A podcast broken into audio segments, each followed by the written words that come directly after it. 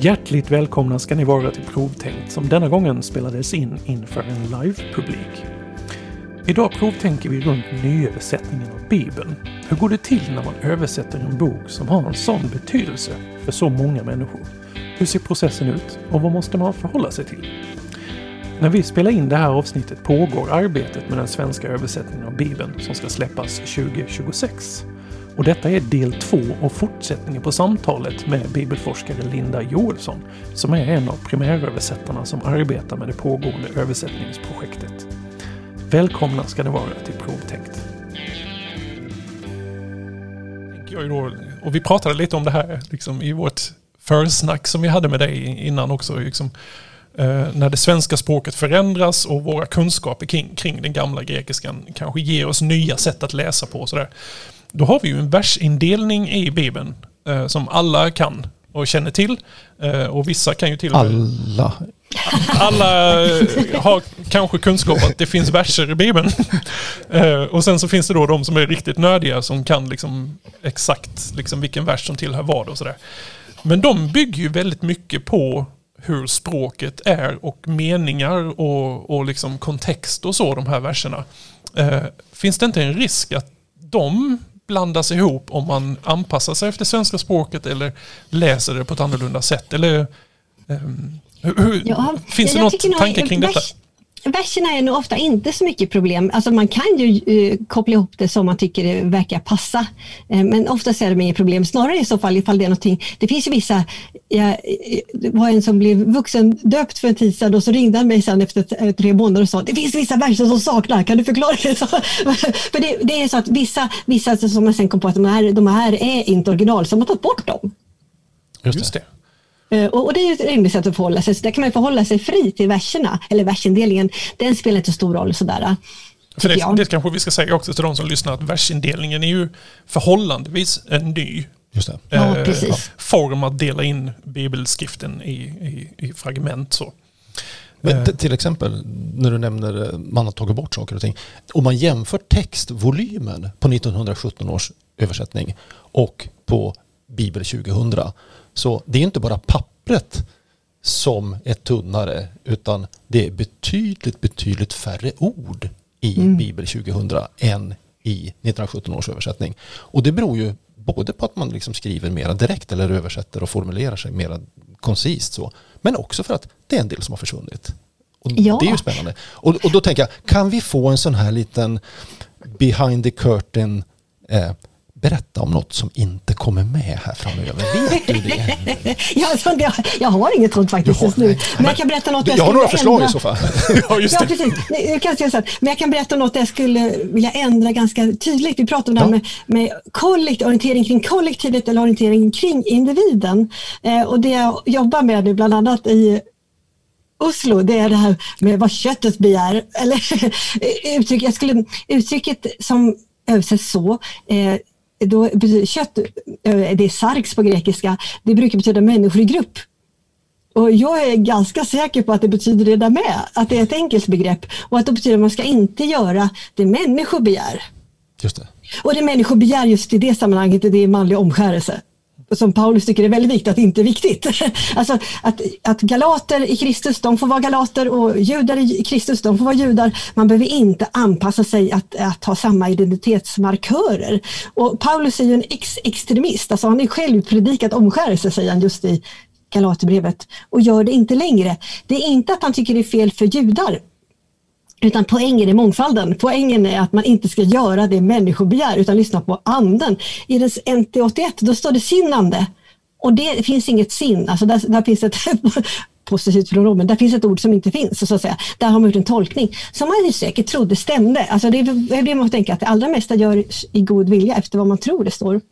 Eh, och, förstår, och jag, också... förstår jag det rätt? Att, eh, när man tänker köttet eh, NT81 eh, alltså lustar snarare. Alltså, eh, ja, så och, och, och, och, och, så, och så min eh, ande. Alltså ja, extremt, och, extremt liksom så individualiserande. Det Men du menar att ja. det handlar om kollektivet och det handlar om kropp som liksom Och, och naturligtvis är det Guds ande. Paulus ja, hade inte så mycket förtroende för människors omdöme. de, de, visa, de visas visat ledde de ingenstans, tycker han. så, så, så, så, det är Guds ande eller anden som uppväckte Jesus från döda eller sådana olika eh, men, men, men det här är ett exempel på, skulle man kunna tänka sig, där man har använt ordet kött eh, och, och liksom lust och begär och sexualitet liksom utifrån ett perspektiv. Eh, är det färgat tidstypiskt eller vad, vad är alltså det? Alltså, man kan man säga riktigt. varför det kommer fram? man vet ju inte riktigt ens vad, vad, vad de som översatte tänkte, ärligt mm. talat. Det där är intressant också. Liksom. Vad menar man när man säger rättfärdig jord? Är man färdig att ställas inför rätta? Fanns det faktiskt ett tyskt ord på lågtyskan samtida med Luther. Då betyder det att man är myndig. Då betyder det inte att man är perfekt eller fullkomlig inför Gud. Så, så, det finns många sådana saker som vad menar de sa det? Um, och, och, i det här fallet när vi står inför det här översättningen så är det då vågar vi i Sverige gå emot en så stark eller gå, ta en annan väg, en så stark tolkningstradition? Eh, vi pratade lite nu, nu säger för... du tolkningstradition och jag, jag tänker mig, men du har ju lite olika hattar. Alltså, ja. Du har akademikerhatten, den här doktorandhatten. Eh, du har Nej, det har man inte. Alltså jag, köpte, jag fick en doktorandspark istället. Jag fick aldrig någon hatt, jag struntade i det. Det låter betydligt mer praktiskt så. ja, min kompis köpte en doktorandgitarr. Man kan liksom... ja. Just det. Men, men doktorshatten, så liksom akademikerhatten. Mm. Sen så, eh, nu har man ju inte den heller, eh, den här liksom påvemössan i någon slags liturgisk eh, bemärkelse. Att pastor, prästrollen som handlar om att förvalta tradition. Så liksom det, alltså, ja, de, fast de, jag de, tänk... de där kan ju komma i spänning som du säger. Jag alltså. tänker väl i och för sig att, att vi inte heller som pastor eller präster förvaltar tradition utan Guds ord. Eller hur? Vi är Guds ordtjänare. Ehm, men, men helt klart, som, som forskare är jag ju forskare och översättare är jag översättare. Det handlar inte om, och skulle jag anpassa texten efter vad jag tycker blir bra, då skulle jag bara bygga in mina problem istället. Det, det var där jag så, tänkte mig scoutmössan som en tredje mössa i så fall. Ja, scout, eller scouthalsduken om man inte körde mössa. Ja, um, nej men det är väl spännande. Men, men, men, men finns det förväntningar?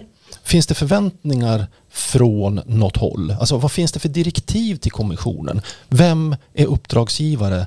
Är det ett rent akademiskt arbete eller ska man göra någon nöjd alltså, det, med det, är, det som är en kyrklig är, text? Ja just det. Bibelsällskapet har ett huvudmannaskap och där är de flesta samfund representerade. Mm. Eh, så, så, det är de som står för översättningen, bibelsällskapet. Så är det i de flesta länder. Det finns ett bibelsällskap, svenska bibelsällskapet i Sverige och Danmark och sådär, som står för översättningen. Eh, och, och, det, och så har man då bestämt vissa riktlinjer. Och, och ehm, till exempel finns det ju då också trohet, trohet mot texten är ju självklart och att man ska ha konkordans, alltså samma ord så långt det funkar. Ibland är det inte riktigt att orden stämmer överens mellan två så olika språk, så ibland behövs det tre ord för att säga, använda ett ord. Ja, ni vet, de överlappar inte riktigt. Eh, men sen ska man ha trohet mot eh, eh mot eh, originalet eller mot främmande kultur. Så står det eh, demonutdrivning, ja, men då skriver vi det. Då kan jag tänka att det är en traumatisering som man blir befriad ifrån och helad eller läkt. Men, men jag kan inte översätta så för då har jag gjort en parafras, då har jag tolkat för mycket. Ja, eh, så, så eh, det gäller att översätta. Är Paulus rörig? Ja, men då är han det. det är inte min sak att rätta utan att översätta. Just det. Så pa Paulus får ta ansvar för att han tänkte lite omoget menar du? Ja, eller, eller? hur? Eller hur? Ja. Vi, vi, vi, sa det innan, men det finns ett ställe i första Thessalonikerbrevet där, där det står eh, att Paulus skriver eh, judarna är men, eh, fiender för, mot hela mänskligheten. Ja, katastrof. Eh, visserligen så finns det inte en punkt utan en komma. Judarna är fiender till hela mänskligheten när de hindrar oss att predika. Mm. Så det kan man kalla för eh, antisemitiska eh, punkten, när man sätter punkt där. Så där finns ett fel. Eh, Paulus är inte antijudisk. Det finns, för kom bok för några år sedan som sa Paul was not a Christian, alltså Paulus var inte kristen. Vilket är sant. för ordet kristen, eller den, den där att det var separat från judendomen, kom ju mycket senare. Utan han var i spänningstiden då man funderade eh, och då man försökte göra en helhet av det här. Eh, att, att det skulle finnas en mångfald i rörelsen, att judar är judar, Eh, och galater, galater, men vi är alla ett i Kristus. Och också vad det gäller status, eh, slavfri, eh, manligt, kvinnligt. Ni vet den här eh, galat, nu är det längre jud eller grek, slav eller fri. manligt eller kvinnligt, nu är alla ett i Kristus. Så det var Ja, men vi var inne på det här med romarriket och det är intressant för, för vad, vad är så att säga kristet och vad är romerskt? Eh, det är mycket eh, dygder som hör till det romerska som sen blir väldigt starkt etablerade i det som man tänker som kristet. Just det. Och he hela diskussionen som man också kan följa i Apostlagärningarna, eh, alltså den här kampen mellan det judiska och det judiserande där du säger att ja, men, omskärelsen till exempel, alltså den förändras ju den synen och breven beskriver det. Finns, finns det någonting som, alltså om man tänker sig, för 150 år sedan, vi behöver inte ta en NT81 som exempel, men för 150 år sedan så översatte man också biblar. Idag vet vi mer om den romerska världen som gör att vi förstår saker och ting bättre när vi ska översätta. Finns det några sådana tydliga enkla exempel du skulle kunna ge oss?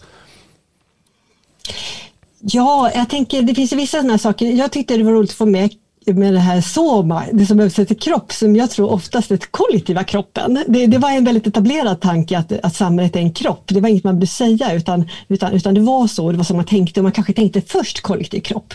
Vi tänker först individens kropp.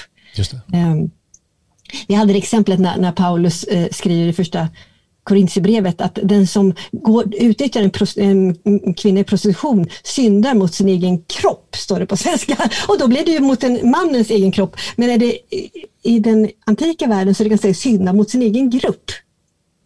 Just det. Just det. Ja, inte mot, alltså det blir inte den här narcissismen som vi har vant oss vid att det ska finnas. Um, det får ju mig att vilja veta, liksom, när du när du studerar texterna, både med din liksom, kunskap som forskare eh, och även liksom, den historiska biten av vad vi har lärt oss om romarriket och sådär. Eh, men även så har vi ju liksom en modernare syn idag, där vi kanske liksom ryggar åt vissa grejer på ett sätt eh, som man kanske inte gjorde förr eller liksom i antiken. Eh, alltså rent perspektiv och rollmässigt och sådär. Eh, och det, min fråga, du ska snart få komma in, min fråga är ju då, liksom att hur, eh, för du pratade om det här med fotnötter i Bibel 2000 som inte var klara, så det kom inte med liksom, i den första liksom, tryckningen. Eh, vad, hur mycket får ni kommentera eh, i, här, eh, i en fotnot? Får ni komma in med, jag förstår ju att ni kan komma in med historiska liksom, kontextuella förklaringar och sådär. Men eller hur jobbar ni med fotnoterna? Här vet jag ännu inte, för jag har ju bara varit med ett halvår. Ja. alltså där vet jag inte hur det kommer se ut, utan vi skriver kommentarer och de sparas när vi jobbar med texter och sen får vi de naturligtvis redigeras. Men, men man kan ju ofta säga att detta kan också tolkas. Det kan, detta kan tolkas så här och så här. Men, men frågan är egentligen, tänker jag, eller för mig, hur skriver man den som utnyttjar en människa i prostitution synder mot sin egen kropp om man menar att man tror att det betyder kropp som en grupp. Ja. Mm, mm. Det. det. är ju den allvarliga frågan. Kan man, skriver man då grupp? Ja. Eller skriver man kropp och vet att alla kommer läsa det som individ? Just det, För det är så ordet betyder nu. Ja. Det här är så här, det, det, får ni gärna prata om i fikat sen och ge oss lite hjälp. Nej, men det, det här famlar vi. Det här är ju superviktigt och supersvårt. Eh, och, och jag tror att man, man, man ryggar säkert mot andra saker. Ja. Men ehm, när, när, Paulus skriver i inledningen till Romarbrevet, jag skäms inte över evangeliet, en Guds hjälp till var och en som tror, juden först men också greken. Då ryggar man mot också greken. Vad sitter han och säger? juden, alltså, alltså, alltså, alltså, och, och när man säger eh, Ja, särskilt när Paulus lägger sig i, nu kallar det privatmoral, men det kanske man inte ska göra nu efter Butler, men när han lägger sig i hur, att man inte ska, en, var och en ska, ska hålla sin skivos, helgd och ära, alltså om man har en kvinnlig slav. Det står kärl på grekiska, ska man hålla helgd Han lägger sig i vad folk gör mot sina slavar. Det är oerhört upprörande i, i romerska världen. Nu var han skitit i det blå skåpet som man säger Hallam. Eh, det kan vi inte skriva i översättningen förmodligen. Nej, men, men det är oerhört radikalt i den samtiden. Och, och, och, vi kan ju ibland inbilla oss när vi läser Bibeln att ja, men varför säger de ingenting om slaveriet? Så, just det. Eh, just och, och, och, så finns det där men vi ser det liksom inte. Och det är så oerhört, jag tycker det är så oerhört fint. Jag jobbar en del med Filemonbrevet, det är en sida. Det är ju väldigt roligt och väldigt, väldigt fint. Ett sent brev där han använder sig själv bara när han kan hjälpa Onesimus. Filemon är slavägaren. Och så säger han till Filemon, jag, jag, vill inte förelägga vad du ska göra, för jag vet att du, jag vill hellre att du gör det av egen fri vilja. Men jag vet att du kommer göra mycket mer än, än det jag begär av dig. Ta emot Onesimus som, som en älskad broder, ta emot honom som om det var jag. Och det som jag har gjort i anden vet jag att du också kommer göra i Sarks.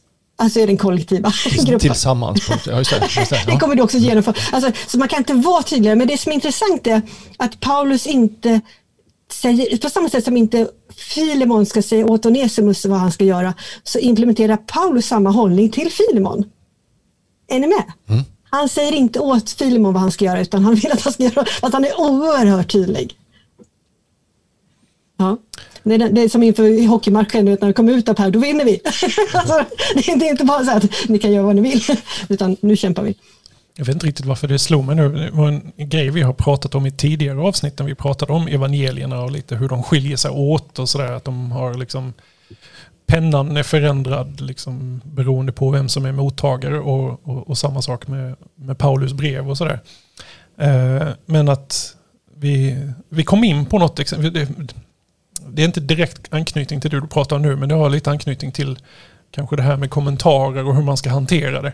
Eh, att vi kom in, du vet det finns vissa partier i, i evangelierna till exempel som vi, vi inte ser i de äldsta versionerna av skriften. Och vi, och vi tog upp ett exempel, eller några exempel då i det avsnittet, men ett exempel är ju mitt, eller ett av mina favorit, eh, vad ska man säga, handlingar av Jesus. Det är ju den här, liksom, den som är fri från synd ska kasta den första stenen. Eh, ett ganska fint liksom, inlägg liksom, som, som på något sätt... Som handlar om ett sammanhang där man kommer med en kvinna till Jesus och kräver att han ska döma henne utifrån att hon har begått de, de, ska ju, de, de, ska ju eh, trixa honom lite där liksom. Att om han eh, säger att de inte ska stena honom så bryter han ju mot lagen. Och liksom, säger han att de ska stenas då, då bryter han ju sig mot sitt eget ord. Så det är ju liksom en sån här, liksom, de ska sätta honom på plats. Och då kommer kommentaren. Just det. Den som är utan synd kastar första stenen. Och då är det ingen som vågar kasta så. Eh, men så visar det sig att vi hittar inte den i de äldsta liksom, skrifterna av de partierna. Och, och så, det jag har sett i våra svenska översättningar av Bibeln är att den, den får en fotnot där det står liksom att eh, men den är ändå med i vår mm. moderna bibel. Och, och, och då och tänker jag, funderar man på sånt fortfarande i ett översättningsarbete? Liksom att den har ju historiskt sett fått sin plats i Bibeln. Eh, men hur ska man förhålla sig till?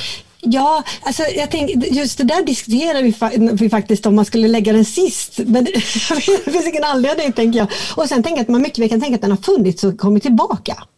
Det har jag också hört. Liksom, så här, men, så, så, så, men, det, men, men, det här, du vet, kvinna tiger församlingen, det är en sån här liten eh, text som har funnits och flyttats och dykt upp på olika ställen. Den kan mycket väl inte vara original. Just det, ja, det har jag också läst. Men den har man hållit kvar. Ja. Den, den har väl förmodligen bara varit användbar om man säger så. ja, precis. Men det ja. kanske har varit en radarmärkarna som man skriver i marginalen och så flyttar in och då hamnar den på lite olika ställen. Eh, så, så, så och, och, då, men, och då menar jag, jag måste bara räcka upp handen och säga, då menar jag för dem med makt. Jag menar inte ja, idag. Precis. Men precis, det, det, finns en, det finns, det finns en, en struktur eh, som varit hierarkisk. Mm. Det. Och, och det finns, alla har inte haft tillgång till texterna. Eh, vi läste av en av mina gamla lärare i, i kyrkostolen som sa att det stod i kyrkböckerna om hans gammel mormors mormor att hon var en ovanligt elak kvinna. alltså, eh, sånt där kan inte vem som helst ha tillgång till att skriva, men en del kan skriva ner det. Nej, men, men så, så, så, det är intressant.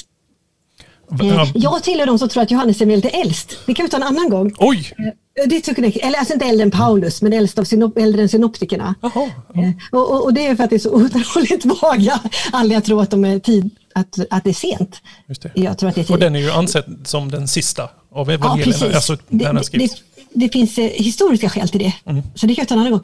Men jag det, det, här, det här låter som en, ett eget avsnitt. Ja, jag visste. Vi, vi, har, vi, har, vi har varit inne på det tidigare, nämligen när man pratar om liksom, menar, vad, vad, är det som gör att vi säger att Jesus är Guds son eller att han är Messias eller, mm, alltså de här, och, och, vad som kommer ifrån de olika evangelisterna. Men här har vi det tar vi sen. Men en, en, rolig sak med det här med expert måste jag säga, det är ju att, att, det är, vi är som, alltså att, att alla kan komma med bidrag det här är tillgängligt för alla. Du vet, folk läser Bibeln och folk har med sig reflektioner som jag inte har sett, som min kollega inte har sett. Det här är verkligen en tillgänglig fråga. Tillgängligt arbete. Även om alla inte har läst det på grekiska så har alla läst och kunnat reflektera. Eller väldigt många. Passar det då att berätta mycket. att det på bokbordet här ute och eh, på andra ställen så har Bibelsällskapets förlag har gett ut eh, Markus evangeliet, Filipperbrevet och Johannes första brev i en pilotöversättning kallar man det här. En betatest? Ja, lite grann så. Alltså, och, och, och, då tänker jag så här, om vi läser den här eh, och så tänker vi, fattar ingenting, eller det borde stå så här, vad ska vi göra då? Då ska ni mejla. Då ska det, finns en, en, ja. det finns en, om ni går in på Bibelsällskapets hemsida så finns det en mejl just för att skicka in kommentarer, reflektioner, förslag. Precis. På riktigt. Ja. Då bifogar vi den. Och det är ju eh, jättespännande. Vi, vi lägger med ja. det i eh, det som är noterna till podden. Nu tänker jag att vi börjar närma oss det som är någon slags tidsmässig ja. avrundning. Vi ska runda av. Jag vill bara ställa men, en fråga men, till ja. innan eh, du går. Är det förnämt och, och, och, och, vi säger att nu hoppar vi fram till 2026 att få en signerad kopia? ja, tyvärr. Men du kan få ett sådant här minnesord som jag gör i söndagsskolan.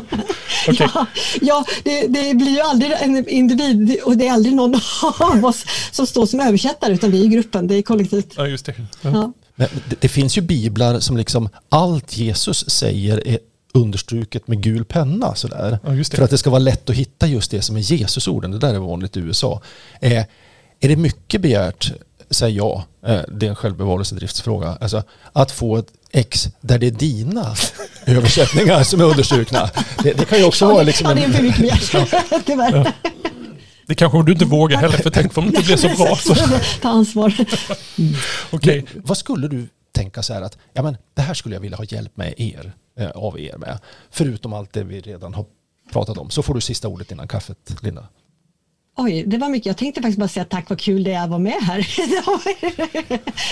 jag, jag kan, nej, jag kan inte säga läs och läs Bibeln och sen kommentera, men, men gärna fundera på det här med kollektiva och individ orienterade eh, formuleringar om ni vill, för det tycker jag är spännande och svårt. Just det. Okej, tack så hemskt tack mycket Linda. Och tack, tack Per igen för tack, att Johan. har kört. Och tack för att ni har suttit så stilla och pratat så lite i telefon och sånt där som liksom gör att den här inspelningen